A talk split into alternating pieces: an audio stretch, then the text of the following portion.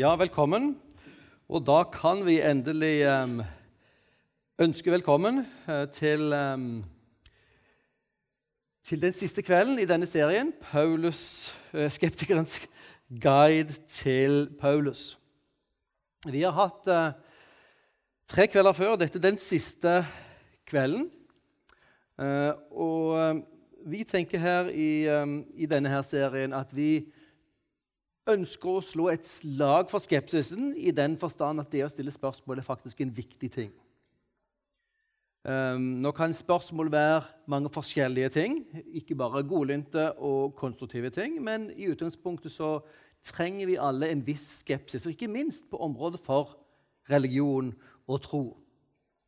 Hvor det er veldig mye som har blitt servert og serveres i dag også, og som vi burde ha et stor av skepsis til. Det betyr at når folk kommer til det som vi regner som vår tro, den kristne tro, så skal ikke vi frata dem den retten til å, å ha noe distanse og skepsis til, til, dette.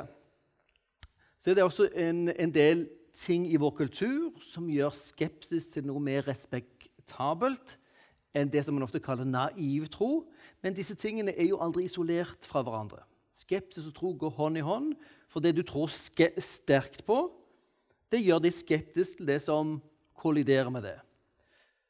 Det er alltid slik at en skepsis strengt tatt er fundert på en eller annen trosoppfatning. Eh, en oppfatning om at noe er galt eller ikke kan være tilfellet, som gjør at du er skeptisk til tingene. Hvis ikke du hadde trodd noen ting, så hadde du ikke hatt noen grunn til skepsis for det du presenteres for. Så skepsis peker alltid tilbake mot trosoppfatninger. Og trosoppfatninger som gjør en da kanskje skeptisk for nye ideer.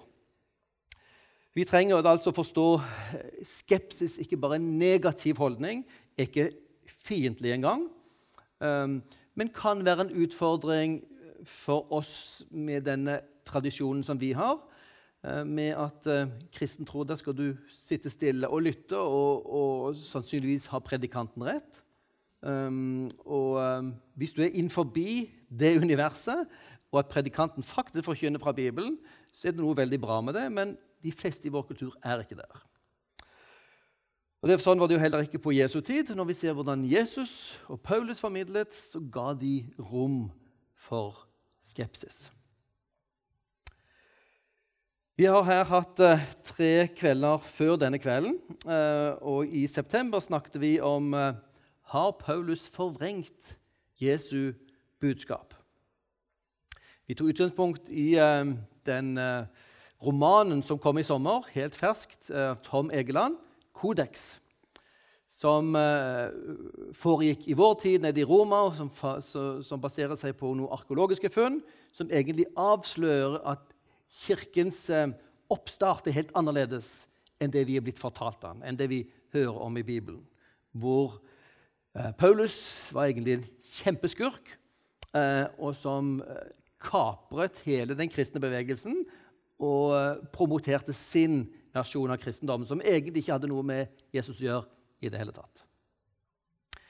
Um, og det er jo spennende med sånne romaner.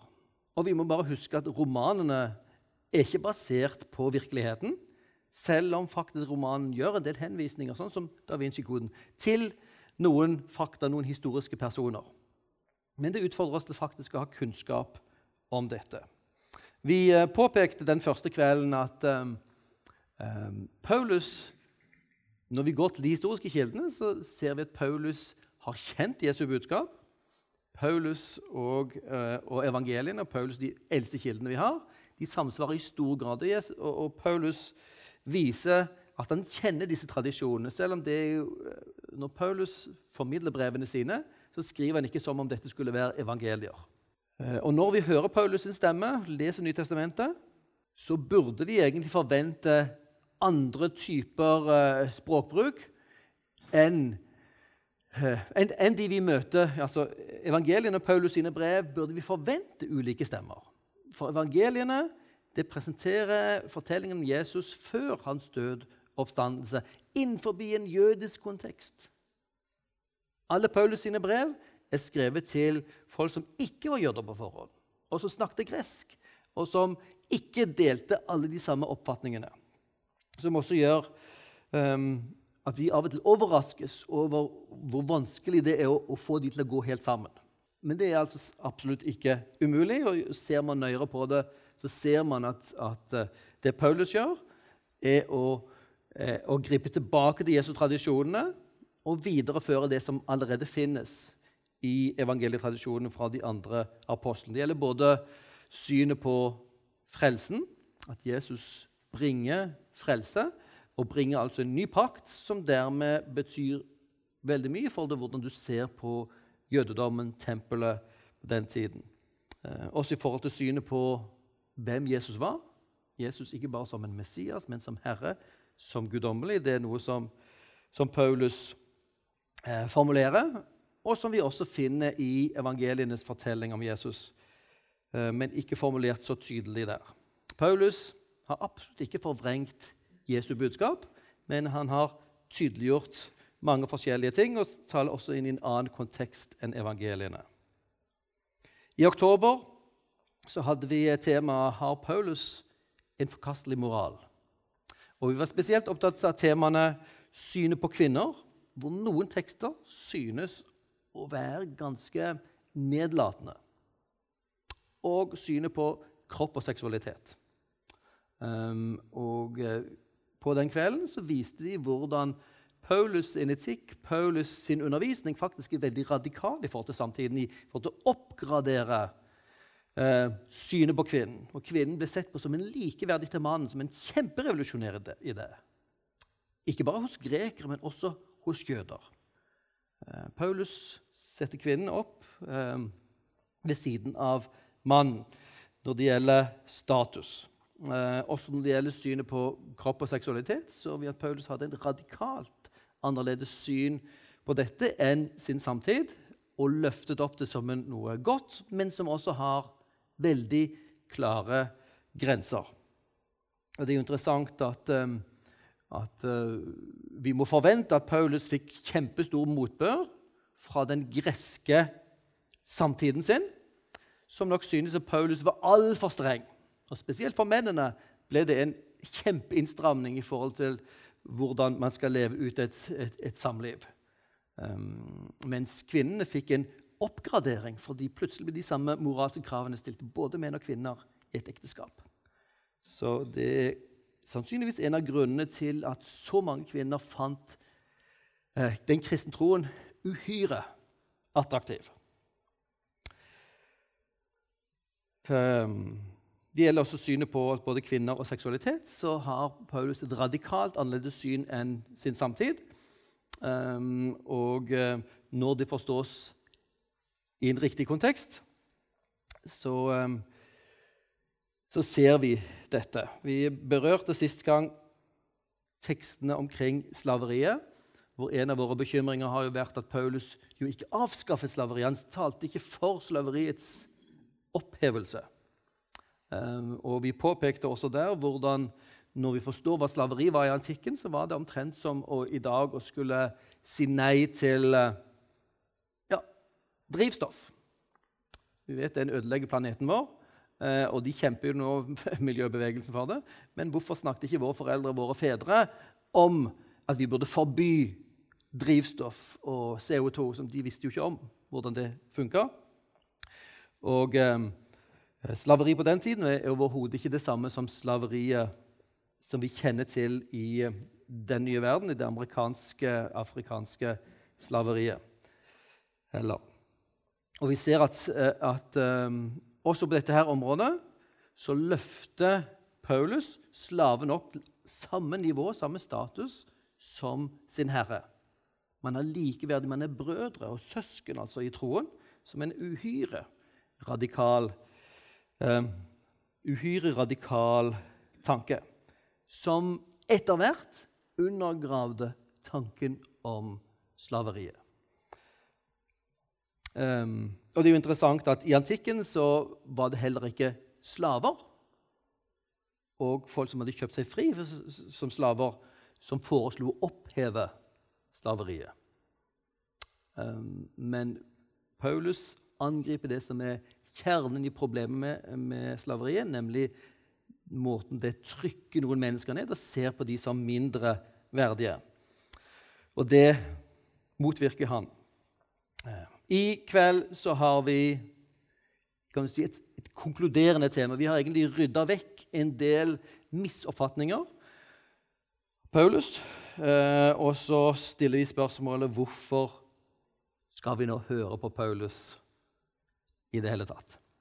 Vi har vist at okay, leser vi Paulus ordentlig, så forstår vi bedre hvor radikal og hvor genial eh, og hvor sterk og bra moral han faktisk står for i forhold til sin egen samtid.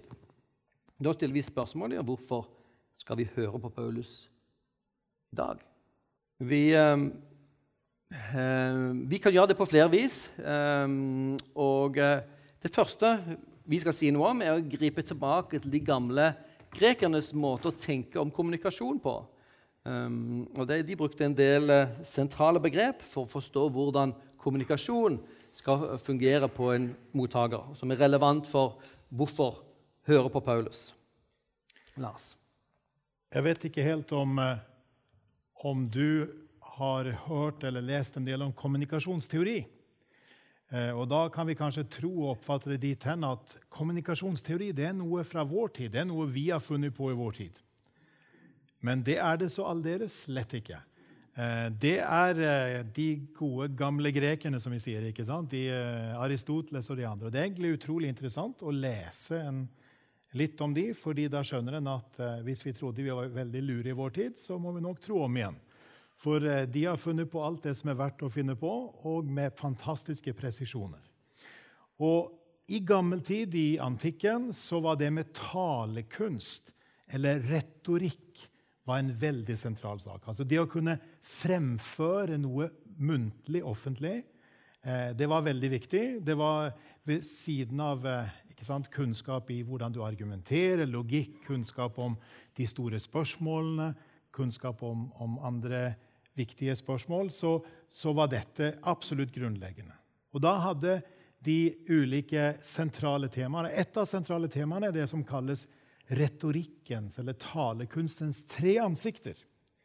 En kan nemlig ta utgangspunkt i en formidler eller taler eller noen som, som f.eks. Paulus. Hvorfor høre på Paulus? Kan ta utgangspunkt i han som avsender, eller budskapet han hadde, eller hva med hans påvirkning av mottakerne, av tilhørerne? Så det vandrer langs en linje, en kommunikasjonsteorilinje med sender, budskap og mottaker. Og Da bruker eh, Aristoteles eh, og de andre bruker begrepet etos. Vi kjenner det fra etikk, fra, fra, moral og etikk, altså det som er, rett og godt og sunt og, og handle sånn. Og her er spørsmålet kan vi egentlig stole på den som sier noe. Talerens troverdighet snakker vi om.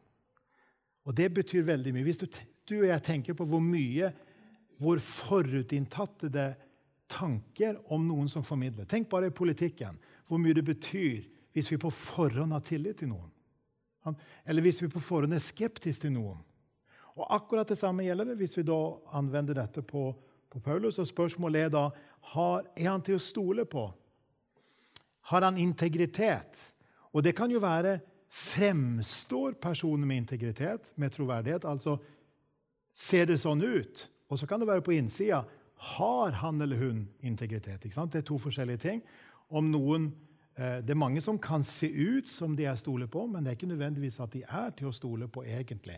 Og vi vet jo at mange eh, formidlere, kommunikatører, de, de blir egentlig nokså avslørt etter hvert hvis de ikke er samsvar mellom det de påstår, og det som egentlig er tilfellet.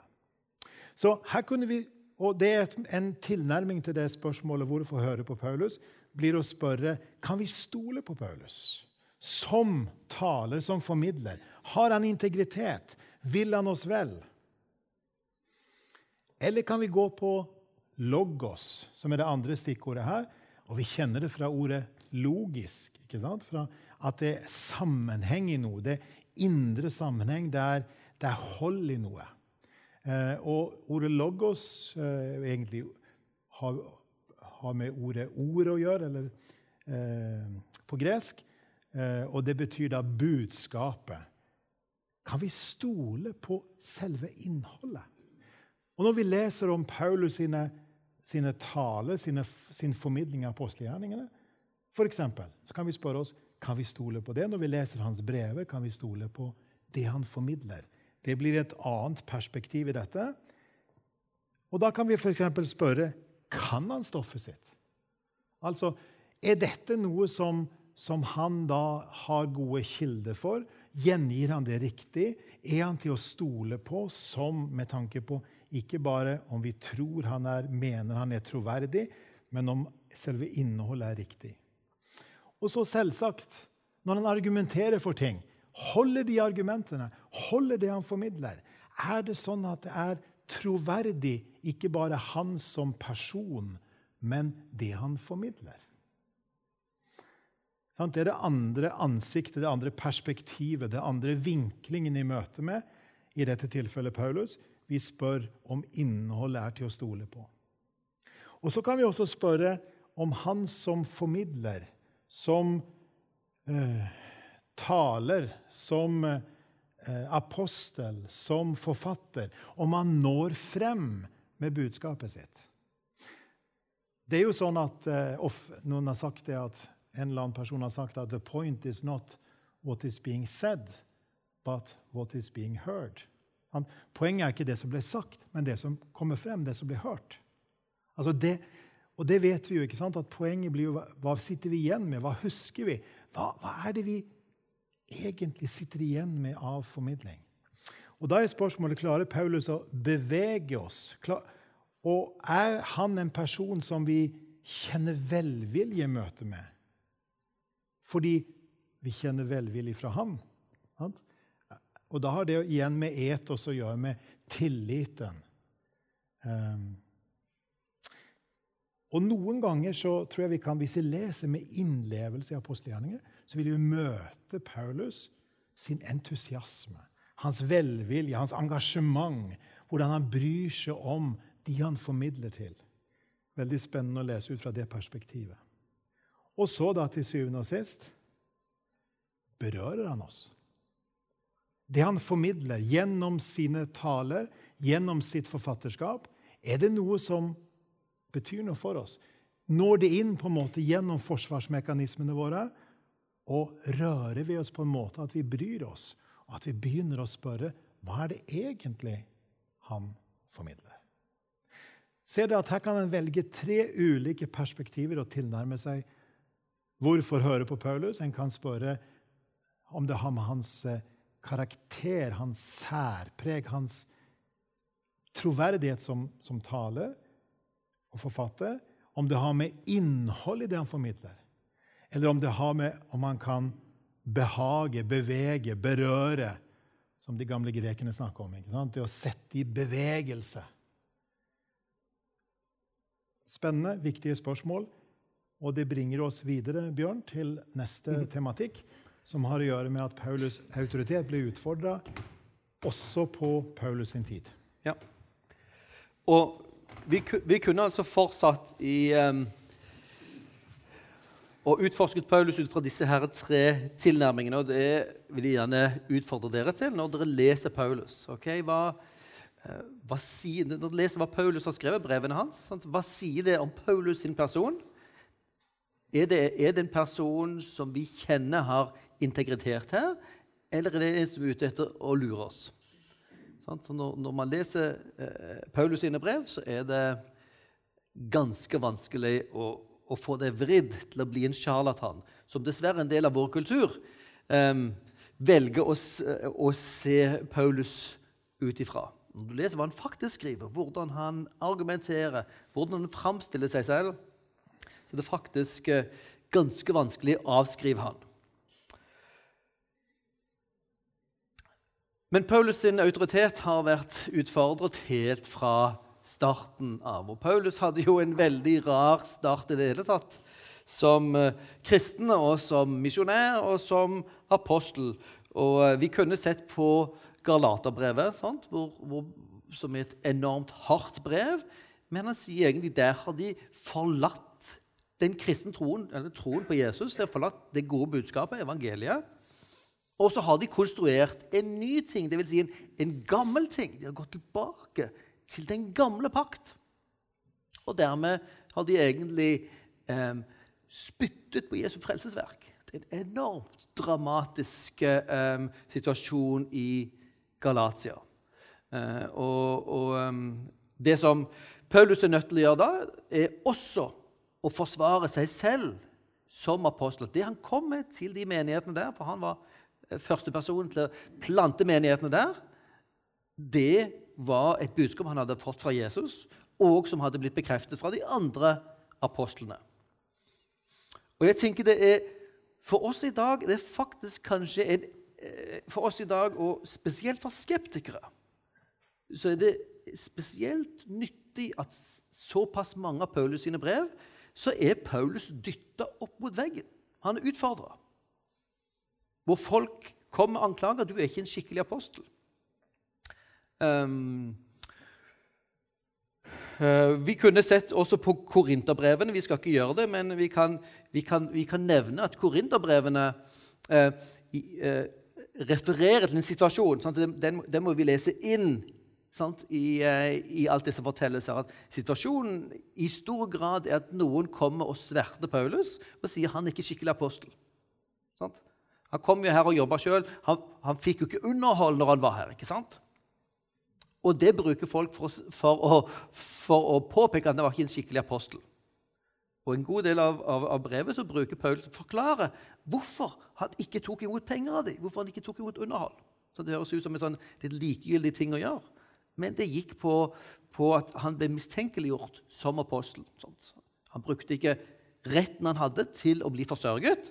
Med andre ord, du er ikke en skikkelig apostel. Du hadde sikkert ikke rett til det. Ikke hadde du det anbefalingsbrevet fra de ordentlige apostlene heller. Og så er Paulus nødt til å ta den, den jobben, som er uhyre interessant å lese om i Korinterbrevene, hvor hvor Paulus må forsvare seg sjøl. Og han sier så tydelig dette her er helt pinlig. Høres ut som en gal mann når jeg skal anbefale meg sjøl. Jeg trenger ikke anbefalingsbrev. Dere er mitt anbefalingsbrev, sier han. Så henviser han til mange, eh, mange av tingene av det som han har vært involvert i, som bekrefter han som en ordentlig apostel. Og så er det ikke minst interessant å se hvordan Paulus presenterer seg sjøl i Korinterbrev kapittel 15, hvor han nevner opp alle de, disse eh, oppstandelsesvitnene. De offisielle oppstandelsesvitnene, altså, som, som, tydeligvis ble formulert i en tradisjon. Eh, og I den tradisjonen er det viktig å ha med de som teller juridisk og i kulturen. Og da var det menn, dessverre, for dere som kvinner som sitter her. også. I den jødiske og den eh, kulturen rundt så hadde ikke kvinner samme tyngde. Men i alle evangeliene er jo kvinnene som er førstevitner. I den offisielle listen av vitner som Paulus refererer til, så er det de offisielle representantene og menn de som har størst tyngde. Og så kommer han i den listen til seg selv. Han regner seg selv som oppstandelsesvitne. Når han ble slått av, ned av hesten på vei til Damaskus og ble blind og hørte Jesus stemme og ble radikalt omvendt. Og Det er interessant å, å, å, å lese Paulus i dette perspektivet her, hvor, hvor, Paulus ikke er en person som enkelte andre statsledere vi kjenner spesielt godt til i vår tid, som er opptatt av å blåse opp seg selv som super. Du finner en enorm selvransakelse, enorm ydmykhet hos Paulus, og samtidig en veldig sterk på at han har en viktig rolle. Den balansen kunne vi gjerne sett mer av i vår tid. Han sier i 1. Korinterbrev kapittel 15, vers 9, så sier han, eh, når han har nevnt de apostlene og seg selv som vitne For jeg er den minste av apostlene. Jeg er ikke verdig til å kalles apostel, for jeg har forfulgt Guds kirke. Men ved Guds nåde er jeg det jeg er. Med andre ord både frelst og kalt som apostel. Og hans nåde mot meg har ikke vært bortkastet, for jeg har arbeidet mer enn noen av dem. Ja, det, vil ikke, det vil si ikke jeg, men Guds nåde som er med meg. En veldig interessant psykologisk balanse hos en person som har en enormt sterk bevissthet om sin, sitt kall og sin rolle, og som, sin autoritet, og samtidig som kan være så både utleverende og så ydmyk. Det som uh, vi tenkte skulle være kjernen i um, kvelden i dag, er to ting. Vi kunne gjerne snakket om en god del flere ting, uh, men vi har bestemt oss for å første omgang avgrenses til to argumenter for hvorfor vi burde høre, for, høre på Paulus. Det første er et rent historisk argument som går på Paulus og hans rolle i Oldkirken. Uh, og det uh, dreier seg ikke altså, Det krever ingen kristne forutsetninger, ingen trosoverbevisning, for å følge det, det resonnementet. Paulus en person som er verdt å høre på. Og det historiske materialet kan peke på i hvilken forstand det burde gjelde. Og så har vi et argument som går på et nytt trinn, som er et teologisk argument. Som et argument som, som uh, reflekterer over hva apostolatet Hva betyr det å være apostel? Og hvordan skal vi forstå det både i relasjon til Jesus og i relasjon til hans autoritet for oss i dag? Um, og, og det, vil, det, vil, nok være tydelig at det andre argumentet det forutsetter mer av en kristen tilnærming. Sant? Ja, Hvis Jesus er den han sa han var, hvis han døde og sto opp igjen, da har han autoritet. Og hva har da Jesus sagt om apostlene og sine apostler, sine talsmenn. Så Der får det i to, eh, to omganger. Og nå vil Lars eh, nå gå gjennom det første delen av det. Eh, og Deretter skal vi ha en pause og avbrekk. Og vi vil gjerne at dere da kommer med de første spørsmålene deres. I forkant av pausen så tar vi og rydder litt og fordeler de spørsmålene. Og så tar vi for oss andre delen av argumentet i, etter pausen. Vær så god, Lars. Takk for det. Da går vi løs på den, det som vi har kalt det historiske argumentet. Og husk nå det som Bjørn sa, at eh, nå er det ikke sånn at vi forutsetter at en må tenke at Bibelen er Guds ord. Forutsetter ikke at Bibelen er inspirert. Vi forutsetter ikke at eh, en må være troende og kristen for å kunne si dette, men nå prøver vi å spørre rent historisk sett hvorfor skal vi høre på Paulus? Så vil vi si at det er på en måte to deler av en helhet. Og Vi kan se på dette som et puslespill, der vi prøver å legge tingene til rette og gjøre altså, sant? Bitene ligger der, og hvordan henger de sammen? Hva er det større bildet som gir mening i puslespillet? Og Det er naturlig å begynne med det første når det gjelder det historiske. Paulus var en person som var en historisk person, og hans omvendelse Når han snudde fra å være mot Kirken til radikal omvendelse Den omvendelsen er historisk meget vel bevitnet.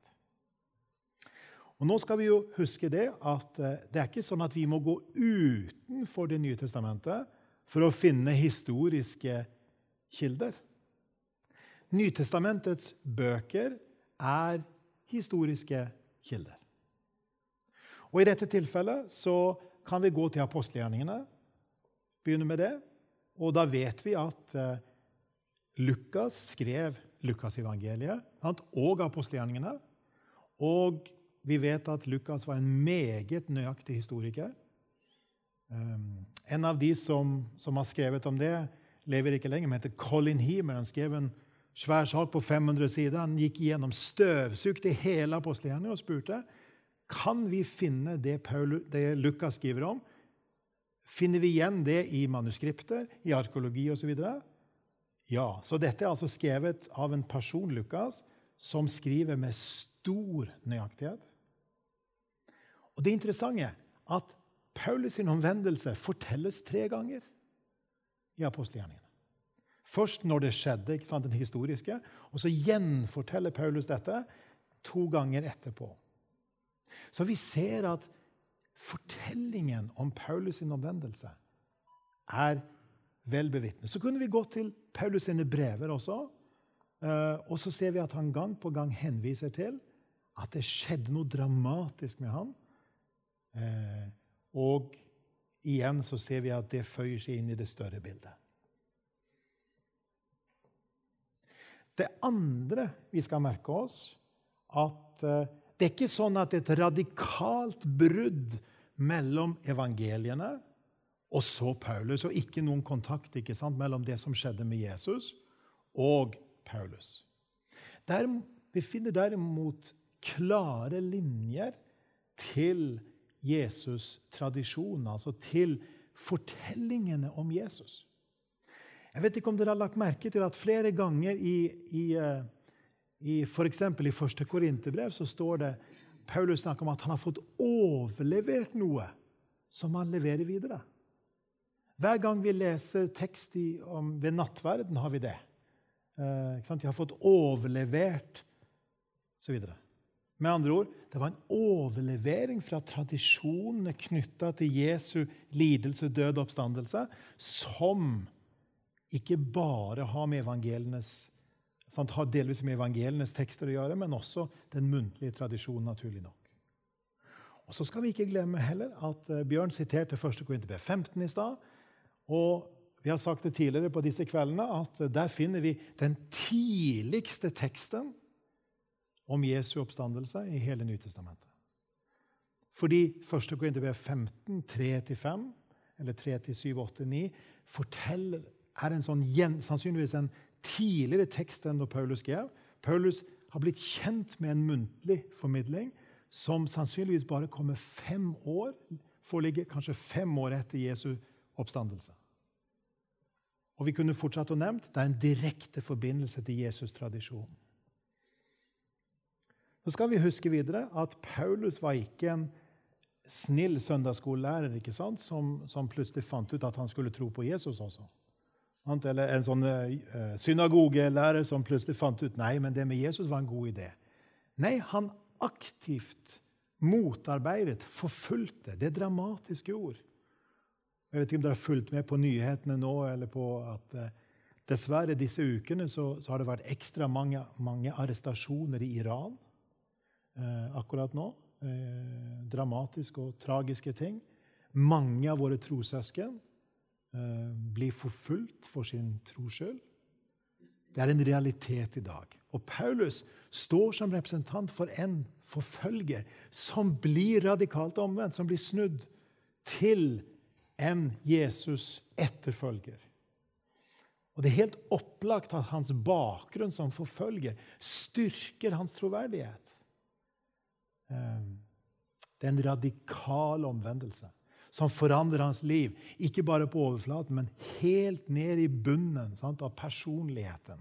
Snur livsretningen en helt annen vei. Så vet vi at eh, Paulus Eh, levde et liv. Eh, hans selvoppofrende tjeneste og liv underveis gjennom hele apostelgjerningene, særlig og brevene også. Det var ikke måte på ting Paulus kom ut for. ikke sant? Han forteller om hvordan han var gjenstand for det ene etter det andre. Og det var en selvoppofrende tjeneste. Og så sier tradisjonen at Paulus led martyrdød. Nokså sikker og god tradisjon. Eh, så han ga altså livet sitt. Ordet martyr betyr jo vitne, eller blodsvitne. Så han ga livet sitt som vitnesbyrd om at han hørte Jesus til. Noen av dere husker kanskje den filmen som var i, i tidligere i år? 'Paul the Apostle of Christ'. som var en, egentlig en veldig sterk skildring av, av Paulus og Paulus' siste tid i Roma. Eh, med noen friheter som disse filmene, historiske filmene tar, men allikevel med et nærbilde av Paulus sin hengitthet og sin selvoppofrende tjeneste.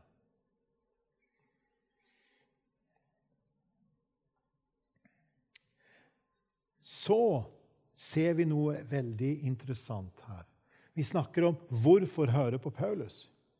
Jeg er ikke i tvil om at både hans taler i apostelen, men ikke minst hans brever, de avslører, de bevitner en stor kunnskap og en betydelig intellektuell kapasitet, en betydelig intelligens, en betydelig begavelse.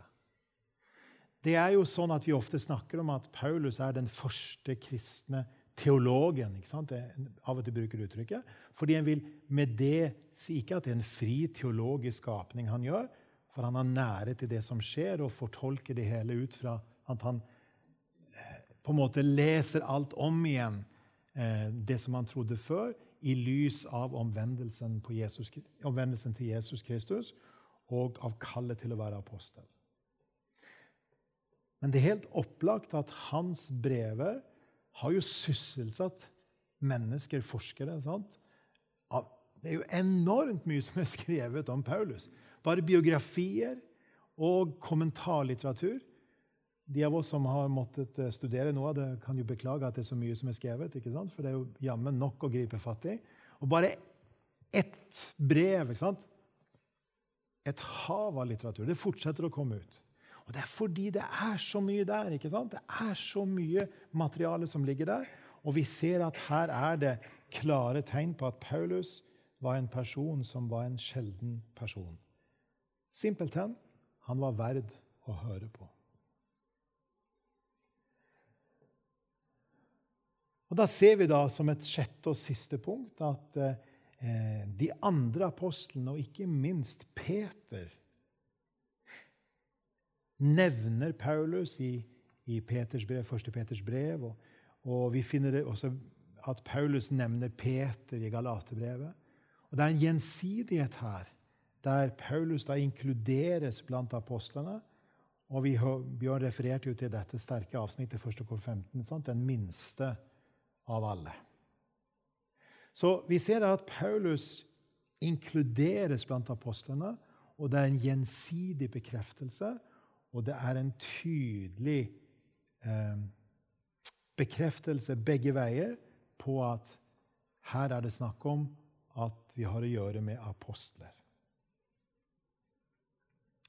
Skal vi da prøve å konkludere dette historiske argumentet, så kan vi si at Paulus er et helt unikt vitne til Jesus-tradisjonen. Og da mener vi altså til det historiske materialet om Jesus. For vi snakker jo om eh, sant, at en, Ordet tradisjon har med å, å tradere å gjøre, altså overlevere tradisjoner. Og det var akkurat det som Paulus fikk, som vi sa i stad. Paulus fikk overlevert materialet om hvem Jesus var. Og Derfor er det utrolig spennende å tenke på det i det perspektivet at selv før vi bringer inn perspektivet om Paulus som apostel sant? og argumenterer på en måte innenfra kristen tro, kan vi det minste si at Paulus er en helt unik kilde til kunnskap om Jesus og hvem han var. Og det vi har sagt her nå, forutsetter ikke en spesiell konservativ bibelutleggelse heller. Men det forutsetter simpelthen en sånn gjennomsnittlig forståelse av, av Nytestamentet som svært mange forskere vil si seg enig i. Så vi ser, ser dere pusle, puslebitene, ikke sant? puslespilletsbitene som faller litt på plass.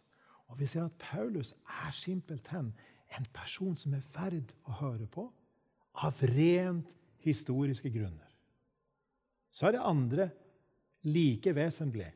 Hva sier vi om Paulus så å si innenfra kristen tro? Men vi kan begynne med å si noe om Paulus på rent allment grunnlag ut fra det historiske. Og nå vil vi gjerne ha noen eh, spørsmål fra dere. Dere skal samle dere gjennom hele høsten. Her er vi.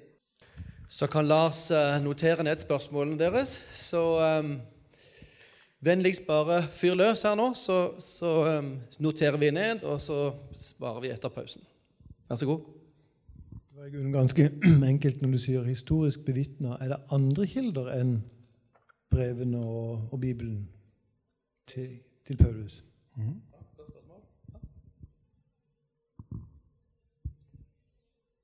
Jeg syns det er veld, veldig fint at dere har eh, gått gjennom Paulus' eh, bakgrunn, og slik at vi har fått trenge litt dypt inn i det. Og samtidig så, så har det iallfall for meg blitt slik at eh, det er viktig når det siteres ord av Paulus, å sette det inn i noe av den sammenhengen som vi har hørt. For eh, vi møter jo av og til at noen slår i bordet med ett ord, og så er det Det er liksom Paulus. Og så kan det bli feil, sånn som jeg ser det, fordi at eh, en tar det ut av en sammenheng. Så vil jeg gjerne at dere kommenterer litt på det. Om betydningen av å lese Paulus i forhold til også den kulturelle konteksten. Mm. Flott. Kjente Paulus til evangeliene. Og eh, eh, kjente Paulus til noe om Jesus' liv og virke mens han var på jorda. Han skriver jo ikke noe om Jesu liv i brevene. Veldig godt spørsmål. Ja. Og viktig spørsmål. Ok, Dere får jo anledning selvfølgelig til å stille flere spørsmål i uh, neste runde også. Men la oss ta et avbrekk nå på en uh, ti minutter med litt, litt kaffe og litt saft og noe frukt.